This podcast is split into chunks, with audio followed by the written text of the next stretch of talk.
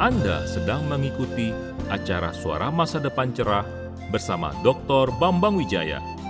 Melalui acara ini, wawasan rohani Anda akan diperluas dan iman serta kasih Anda kepada Tuhan akan diperteguh. Selain program radio ini, Anda juga dapat mengikuti berbagai program inspiratif yang dibawakan oleh Dr. Bambang Wijaya melalui YouTube channel Bambang Wijaya. Selamat mendengarkan. Lebih dari semua kebutuhan yang lain, yang paling kita perlukan adalah penyertaan Tuhan dalam kehidupan kita.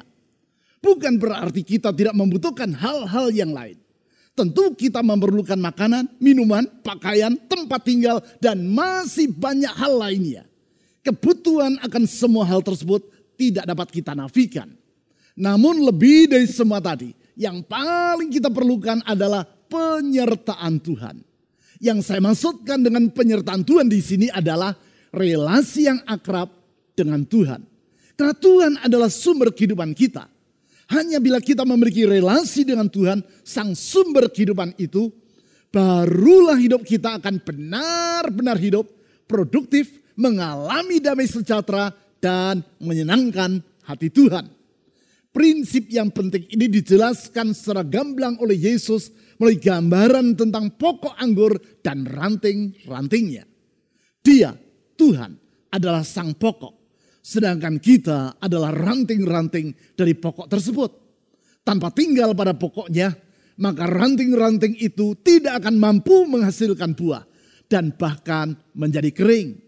Demikianlah, tanpa memiliki relasi yang terus-menerus dibarui dengan Tuhan, maka kehidupan kita akan menjadi gersang, hampa, dan tanpa makna. Pentingnya relasi dengan Tuhan ini mengingatkan saya pada kisah tentang iblis yang mengadakan pertemuan dengan asisten-asistennya, yaitu para setan. Sang iblis berkata, kita tidak bisa mencegah orang Kristen pergi ke gereja. Kita tidak dapat menghalangi mereka untuk membaca Alkitab dan terlibat dalam berbagai aktivitas pelayanan. Namun demikian, kita harus berupaya agar mereka tidak membangun relasi yang intim dan yang bersifat menetap dengan Kristus. Sebab bila mereka memiliki hubungan yang akrab dengan Yesus, maka kuasa kita atas mereka akan menjadi hancur berantakan. Oleh karena itu, biarkanlah mereka pergi ke gereja. Biarkanlah mereka sibuk terlibat dalam pelayanan. Namun, curilah waktu mereka yaitu supaya mereka tidak dapat membangun pengalaman yang intim dengan Yesus Kristus. Jadi inilah yang harus kalian lakukan. Alihkan perhatian mereka dari keakraban dengan juru selamat mereka. Dan halangi mereka dari memelihara relasi yang penting itu di sepanjang hari mereka. Bagaimana cara untuk melakukan hal itu? Teriak salah seorang setan. Buatlah mereka sibuk dengan hal-hal yang tidak penting. Dan penuhi pikiran mereka dengan rencana-rencana yang tak terhitung banyaknya. Jawab sang iblis. Pujuklah mereka agar berbelanja tanpa pernah merasa puas dengan semua yang telah mereka miliki. Sehingga untuk membiayai gaya hidup mereka yang mahal itu, mereka harus bekerja dari pagi sampai larut malam. Setiap hari, tujuh hari seminggu Penuhi pikiran mereka dengan berbagai keinginan dan jejali telinga mereka dengan berbagai suara sehingga mereka tidak dapat mendengar bisikan Tuhan yang berbicara di dalam hati nurani mereka. Jangan biarkan mereka merenungkan keajaiban Tuhan. Untuk itu, buatlah mereka sibuk menonton ini dan itu, berkutat dengan sosial media dan mengirim serta membaca pesan di handphone mereka. Dengan cara demikian, kalian dapat merusak keakraban mereka dengan Kristus. Pertemuan itu diakhiri dan semua setan pergi ke seluruh penjuru dunia. Dengan penuh semangat mereka melaksanakan perintah dan siasat yang diberikan oleh sang iblis. Yaitu dengan membuat orang Kristen menjadi sibuk, sibuk, sibuk, dan terburu-buru di sana sini. Pertanyaannya, Apakah saudara termasuk orang-orang yang telah terperangkap oleh bujukan para asisten dari sang iblis tadi? Sehingga dengan demikian saudara hidup dalam prioritas kehidupan yang keliru. Sebaliknya dari mengutamakan hal yang utama. Justru saudara mendahulukan hal-hal yang bukan utama. Sebaliknya dari memprioritaskan relasimu dengan Tuhan, justru saudara mengorbankan relasi tersebut demi mengerjakan hal-hal yang lain sebaik apa pun hal tersebut. Kalau situasi itu yang saudara alami, maka janganlah merasa heran bila akhir-akhir ini saudara merasa bahwa dirimu terus menerus hidup dalam kelelahan. Bukan lelah secara jasmaniah belaka, namun terlebih lagi lelah di dalam jiwamu. Memang disadari ataupun tidak disadari. Sesungguhnya banyak orang yang hidup bagaikan seekor hamster yang berlari di sebuah rolling wheel. Secepat dan seberapa lama pun si hamster berlari, ia akan berlari di situ-situ saja. Energinya habis, ia kelelahan, dan tidak pernah mengalami kemajuan sedikit pun juga. Oleh karena itu, di sepanjang bulan ini, saya mengajak saudara mempelajari janji dan pertolongan Tuhan dalam memberikan kesegaran yang baru dalam hidup kita. Kesegaran yang baru sehingga saudara dapat menjalani kehidupanmu dengan penuh gairah, limpah dengan damai sejahtera, serta produktif. Itulah kehidupan yang refresh, kehidupan yang disegarkan, kehidupan yang dicontohkan oleh para tokoh Alkitab, baik di perjanjian lama maupun perjanjian baru termasuk diteladankan oleh Yesus sendiri. Di dalam Alkitab kita dapat melihat bahwa sebaliknya dari hidup dengan prioritas yang salah, yaitu dengan mendahulukan hal-hal yang tidak seharusnya diutamakan, Yesus mengutamakan relasinya dengan Allah Bapa. Untuk itu secara berkala, ia menyisikan waktu untuk berada di dalam keheningan. Waktu hening atau yang dalam bahasa Inggris biasa diistilahkan sebagai silence and solitude. Dari sekian banyak catatan dalam Alkitab perihal yang dilakukan Yesus tentang hal itu, kita baca salah satunya, yaitu sebagaimana yang ditulis di dalam Markus pasal 1 ayat 35. Markus pasal 1 ayat 35. Pagi-pagi benar, waktu hari masih gelap, ia Yesus bangun dan pergi keluar. Ia pergi ke tempat yang sunyi dan berdoa di sana. Dari apa yang Yesus lakukan, yaitu sebagaimana yang dicatat dalam ayat ini, kita dapat melihat apakah yang dimaksudkan dengan waktu hening atau silence and solitude, serta pentingnya hal tersebut. Sedemikian pentingnya, sehingga sebelum ia melakukan hal yang lain, pagi-pagi benar, waktu hari masih gelap, Yesus memberikan waktu untuk mempraktikkan silence and solitude. Sebagaimana yang telah saya utarakan tadi. Bukan hanya kali itu saja Yesus pergi ke tempat yang sunyi untuk mengambil waktu agar berada di dalam keheningan atau melakukan silence and solitude. Dalam catatan Alkitab berulang kali ia melakukan hal tersebut. Ada kalanya di siang hari, yaitu seperti yang dicatat dalam Markus pasal 6 ayat 31 sampai 32 dan tidak jarang pada malam hari seperti yang antara lain dicatat dalam Matius pasal 14 ayat 23 dan Lukas pasal 6 ayat 12. Bahkan di awal pelayanannya, sebelum ia melakukan hal yang lain, Yesus terlebih dulu mengambil waktu untuk berada di dalam keheningan selama 40 hari di padang gurun yaitu seperti yang dicatat di dalam Markus pasal 1 ayat 9 sampai 12. Apabila Yesus yang adalah Tuhan dalam keberadaannya sebagai manusia di dunia 2000 tahun yang lampau memprioritaskan waktu hening ini serta melakukannya secara berkala, maka berarti kita pun perlu untuk mengerjakannya. Mengapa demikian? Sebab setidaknya ada tiga manfaat yang sangat penting dari waktu hening atau silence and solitude. Tiga manfaat yang membuat hidup kita akan senantiasa berada di dalam keadaan yang refresh atau disegarkan. Ketiga manfaat tersebut adalah yang pertama, waktu hening adalah tempat perjumpaan dengan Allah. Saya ulang, waktu hening adalah tempat perjumpaan dengan Allah. Itu sebabnya sebagaimana yang dicatat dalam Markus pasal 1 ayat 35 tadi, Yesus bukan hanya mengambil waktu untuk berada di dalam keheningan, tetapi ia juga berdoa di sana. Mari kita baca kembali ayat tersebut untuk memperjelas apa yang telah saya kemukakan. Markus pasal 1 ayat 35. Pagi-pagi benar, waktu hari masih gelap. Ia bangun, Yesus bangun dan pergi keluar ia pergi ke tempat yang sunyi dan berdoa di sana.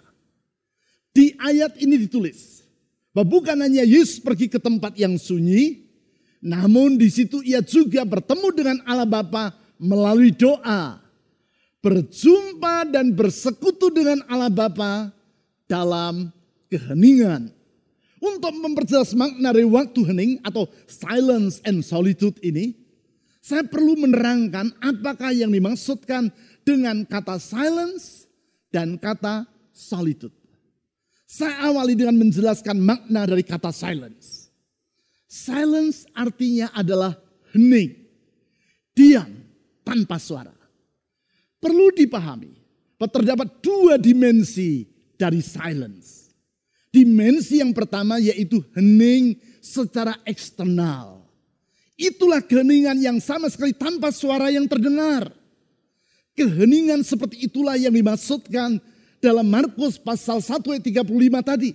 Yaitu ketika Yesus di pagi-pagi benar, waktu hari masih gelap, pergi ke tempat yang sunyi. Artinya, ia mencari tempat di mana ia tidak akan terganggu oleh berbagai macam suara. Yang menjadi masalah, di masa kini tidaklah mudah bagi orang untuk hidup tanpa mendengar suara. Kesunyian bagi sebagian besar orang terasa sangat mengganggu, bahkan mungkin menakutkan. Karena orang dari sejak pagi sampai larut malam dikondisikan untuk terus-menerus mendengar suara. Tidak sedikit di antara saudara yang bangun pagi karena mendengar suara, yaitu suara alarm, dari handphone yang saudara taruh di pinggir tempat tidur saudara. Begitu bangun tidur, tidak sedikit pula orang yang langsung menghidupkan pesawat televisi dan membiarkannya tetap menyala di sepanjang hari tanpa menontonnya. Karena bagi yang bersangkutan, apabila ia tidak mendengar suara, maka terasa di dalam rumahnya seperti ada yang kurang. Tidak cukup itu saja. Sementara berolahraga, ia juga mendengarkan lagu-lagu dari earphone pada telinganya. Demikian juga dalam perjalanan ke kantor dengan mobil. Tak lupa ia memutar lagu-lagu di sepanjang perjalanan. Bahkan tidak jarang orang yang hanya dapat tertidur apabila ia duduk di depan pesawat televisi yang berada di dalam keadaan menyala. Singkat kata, dari sejak membuka mata di pagi hari sampai ia memejamkan mata di malam hari, yang bersangkutan tidak bebas dari suara. Suara ini juga dalam bentuk membanjirnya pesan lewat sosial media yang memenuhi handphone kita. Perkembangan sosial media dan pengaruhnya yang luar biasa pesatnya. Seperti yang ditulis oleh Thomas Friedman, jurnalis dan pemenang tiga kali hadiah Pulitzer dalam bukunya Thank You for Being Late. Alhasil, bagi orang-orang tertentu, satu-satunya tempat di mana ia tidak mendengar suara adalah ketika dirinya sedang berada di dalam kamar mandi. Itu pun kalau ia tidak membawa handphonenya ke dalam kamar mandi dan memutar lagu-lagu dari handphone tersebut. Padahal kita tentu memahami bahwa berbagai suara yang terdengar di telinga tak jarang akan mengalihkan perhatian kita saat kita bersekutu dengan Tuhan. Itu sebabnya kita perlu mengambil waktu silence atau hening secara eksternal agar kita dapat berjumpa dengan Tuhan secara kusuk.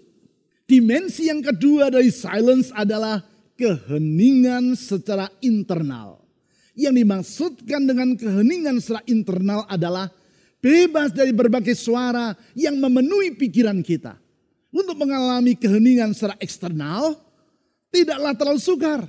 Saudara cukup mematikan semua sumber suara yang dapat mengganggu dirimu. Seperti pesawat televisi dan handphone. Ataupun dengan menyumbat telinga saudara dengan kampas. Atau menutupnya dengan bantal. Namun tidak demikian halnya dengan keheningan secara internal. Saudara dapat saja pergi ke tempat yang sangat sunyi. Sehingga telinga saudara tidak mendengar suara apa pun. Namun secara mental saudara tetap mendengar berbagai macam suara di dalam pikiranmu. Suara dari teman Anda yang masih terus terngiang di dalam benak saudara. Suara dari pikiran-pikiranmu yang berfantasi tentang ini dan itu. Suara dari rasa khawatir yang mengisi jiwamu suara dari keinginan ini dan itu dan rencana tentang hal ini dan hal itu yang memenuhi hatimu. Untuk itu, saudara tidak dapat mematikannya seperti saudara mematikan handphone atau pesawat televisi. Bahkan tidak jarang, orang begitu masuk ke dalam keheningan, langsung pikirannya berkelana ke mana-mana dan memikirkan ini dan itu. Alhasil, sulit bagi yang bersangkutan untuk sungguh-sungguh berdoa dan berjumpa dengan Tuhan dalam keheningan. Bagi yang bersangkutan, keheningan terasa sangat menyiksa dan membuat ia merasa kehilangan arah. Tak heran banyak orang yang hidup dalam keadaan lelah. Karena walaupun sesungguhnya ia memerlukan keheningan, tetapi sulit untuk mengalaminya. Khususnya dalam hal keheningan secara internal. Padahal kedua-duanya baik keheningan eksternal maupun keheningan internal sangatlah kita perlukan dalam kehidupan kita. Selanjutnya makna dari solitude. Solitude artinya dalam keadaan seorang diri. Yang dimaksudkan adalah saudara berada dalam keadaan seorang diri bersama dengan Allah. Itulah yang Yesus lakukan dalam solitude. Yaitu seperti yang dicatat di dalam Markus pasal 1 ayat 35 tadi. Ia pergi keluar dari rumah menuju ke tempat yang sunyi untuk berdoa dan bersekutu dengan Allah Bapa seorang diri di sana. Perlu dipahami bahwa solitud bukanlah isolasi. Dalam solitud saudara bergaul dengan Allah. Sedangkan dalam isolasi saudara melarikan diri dari dunia dan orang-orang di sekitar Anda. Dalam solitud saudara membuka diri terhadap Allah Sedangkan dalam isolasi, saudara menutup diri terhadap semua orang dan terhadap Allah. Dalam solitud, saudara mendekat kepada Allah. Sedangkan dalam isolasi, saudara menyendiri, menjauh dari realitas hidup. Sehingga hal tersebut membahayakan kesehatan dari jiwamu. Manfaat selanjutnya, yang kedua. Waktu hening adalah tempat perjumpaan dengan diri sendiri. Saya ulang, waktu hening adalah tempat perjumpaan dengan diri sendiri. Di tengah keramaian, acap kali orang tidak hidup secara otentik. Yang bersangkutan hidup dengan dua wajah. Wajah yang pertama adalah kehidupan batiniahnya yang tidak nampak oleh mata dunia. Wajah yang kedua adalah kehidupan lahiriah yang ia tampilkan di depan umum. Kedua wajah tersebut tidak selalu bersifat sinkron. Bahkan tidak jarang bertolak belakang satu sama lain. Bisa jadi wajah yang ia tampilkan di depan umum adalah wajah yang tersenyum penuh dengan optimisme. Padahal wajah batiniah dirinya yang sesungguhnya dalam keadaan merana. Karena ingin menampilkan kesan yang gemilang di mata orang, bisa jadi yang ia tampilkan di depan umum adalah wajah yang alim, Padahal sesungguhnya kondisi batiniahnya dalam keadaan porak-poranda. Apabila orang terus menerus hidup dengan dua wajah yang bertolak belakang, maka lama-kelamaan orang tidak dapat mengenali dirinya sendiri secara otentik. Ia menganggap dirinya dalam keadaan yang baik-baik saja. Padahal sesungguhnya kehidupannya dalam keadaan carut marut. Namun dalam waktu hening atau silence and solitude. Orang dipaksa untuk menghapus make up yang selama ini ia kenakan. Make up yang ia gunakan untuk menutupi bopeng-bopeng pada hatinya dari mata banyak orang. Make up seperti misalnya sebentar-sebentar berkata, puji Tuhan, haleluya. Padahal sesungguhnya hidup yang bersangkutan dalam keadaan jauh dari Tuhan. Melalui silence and solitude. Yang bersangkutan akan dibawa untuk bertemu dengan dirinya sendiri dan mengenali keadaan dirinya yang sebenarnya. Perjumpaan dengan diri sendiri inilah yang dialami oleh Yesus di padang gurun, yaitu dalam bentuk pencobaan yang ia hadapi di sana. Tentang hal tersebut, di dalam Markus pasal 1 ayat 12 sampai 13 ditulis sebagai berikut. Markus pasal 1 ayat 12 sampai 13.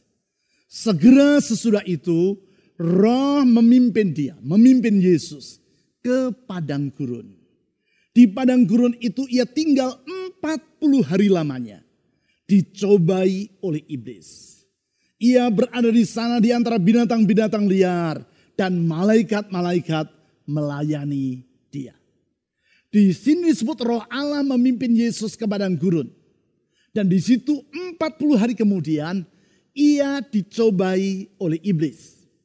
Apabila Yesus pergi ke padang gurun secara harafiah, maka melalui waktu hening atau silence and solitude, kita masuk ke padang gurun dalam arti berada seorang diri dalam kesunyian. Di situ kita akan ditolong oleh Roh Kudus untuk mengenali diri kita sebagaimana apa adanya. Kita dapat melihat kekurangan dan kelemahan yang masih mewarnai hidup kita. Dan bertitik tolak dari situ, kita datang merendahkan diri, memohon anugerah Allah yang memulihkan hidup kita melalui Yesus Kristus. Itu sebabnya Henry Nouwen, teolog yang sangat terkenal dalam bukunya yang berjudul Making All Things New, An Invitation to the Spiritual Life, menulis, Without solitude, it is spiritually impossible to live a spiritual life. We do not take the spiritual life seriously if we do not set aside some time to be with God and listen to Him. Tanpa solitude, hampir tidak mungkin bagi kita untuk menjalani kehidupan rohani. Kita tidak akan menganggap bahwa kehidupan rohani sebagai hal yang penting. Jika kita tidak menyisihkan waktu untuk bersama dengan Tuhan dan mendengarkan dia. Oleh karena itu, apabila saudara benar-benar ingin bertumbuh dalam kehidupan secara rohani, ambillah keputusan untuk menyisihkan waktu hening secara teratur di setiap hari. Waktu hening atau waktu teduh yang antara lain saudara lakukan ketika saudara melakukan ibadah harian di pagi, siang, dan petang hari. Sekarang, manfaat berikutnya. Yang ketiga, waktu hening adalah tempat pembaharuan. Saya ulang, waktu hening adalah tempat pembaharuan. Karena sesungguhnya keriuh rendahan suara, baik yang di luar maupun di dalam diri kita, sangatlah melelahkan. Dalam hal ini melelahkan jiwa kita. Oleh sebab itu dicatat dalam Alkitab, acap kali Yesus mengajak para muridnya untuk pergi ke tempat yang sunyi. Artinya mengambil waktu hening untuk beristirahat. Sebagai contoh, sebagaimana yang tulis dalam Markus pasal 6 ayat 30 sampai 31. Markus pasal 6 ayat 30 sampai 31.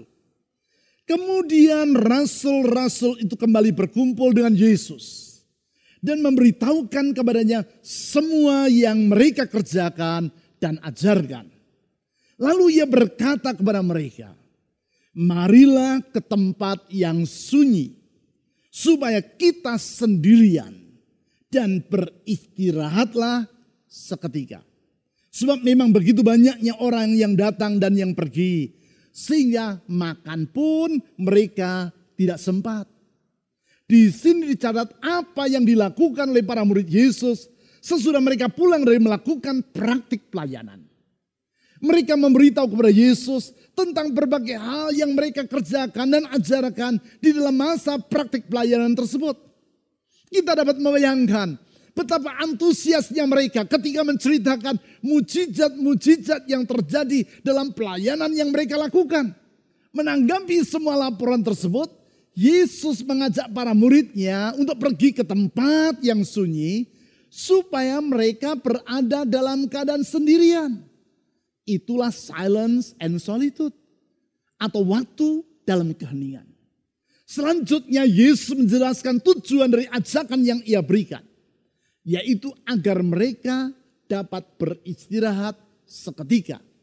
Kata beristirahat yang digunakan di situ dalam bahasa Yunani adalah anapawo yang artinya adalah rest atau beristirahat dan refresh atau disegarkan.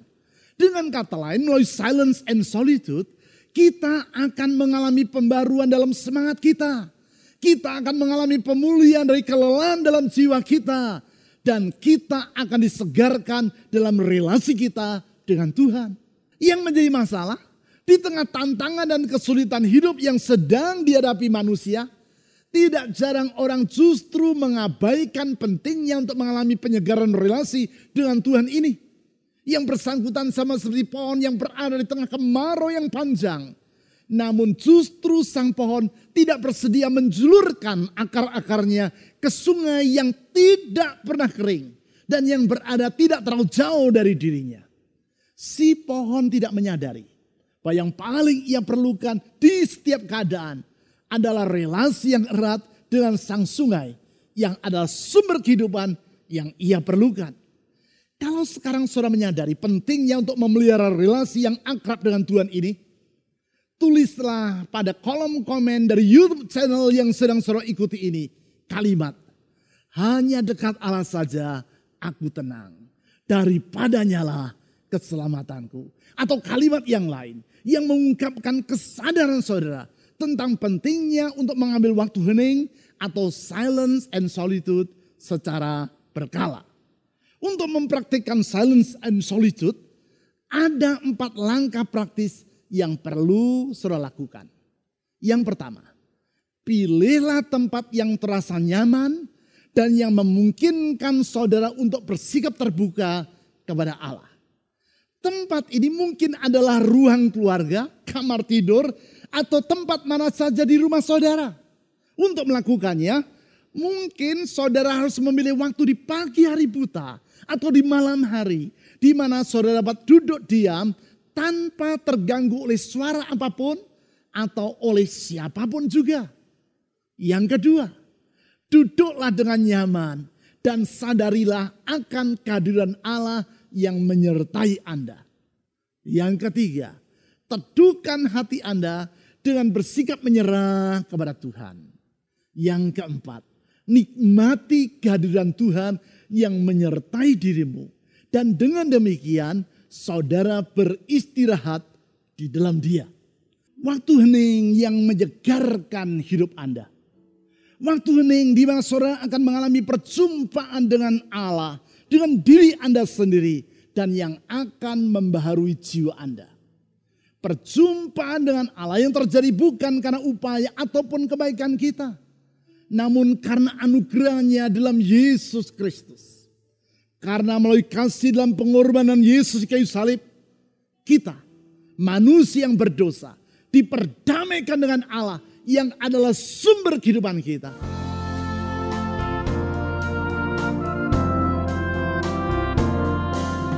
Anda telah mendengarkan acara Suara Masa Depan Cerah bersama Dr. Bambang Wijaya. Pekan yang akan datang, Dr. Bambang Wijaya akan melanjutkan topik tersebut pada hari, jam, dan gelombang radio yang sama. Pastikan Anda mengikutinya. Selain program ini, Anda juga dapat mengikuti berbagai program inspiratif yang dibawakan oleh Dr. Bambang Wijaya melalui YouTube channel Bambang Wijaya. Program-program video di dalam kanal YouTube Bambang Wijaya tersebut akan meneguhkan iman Anda.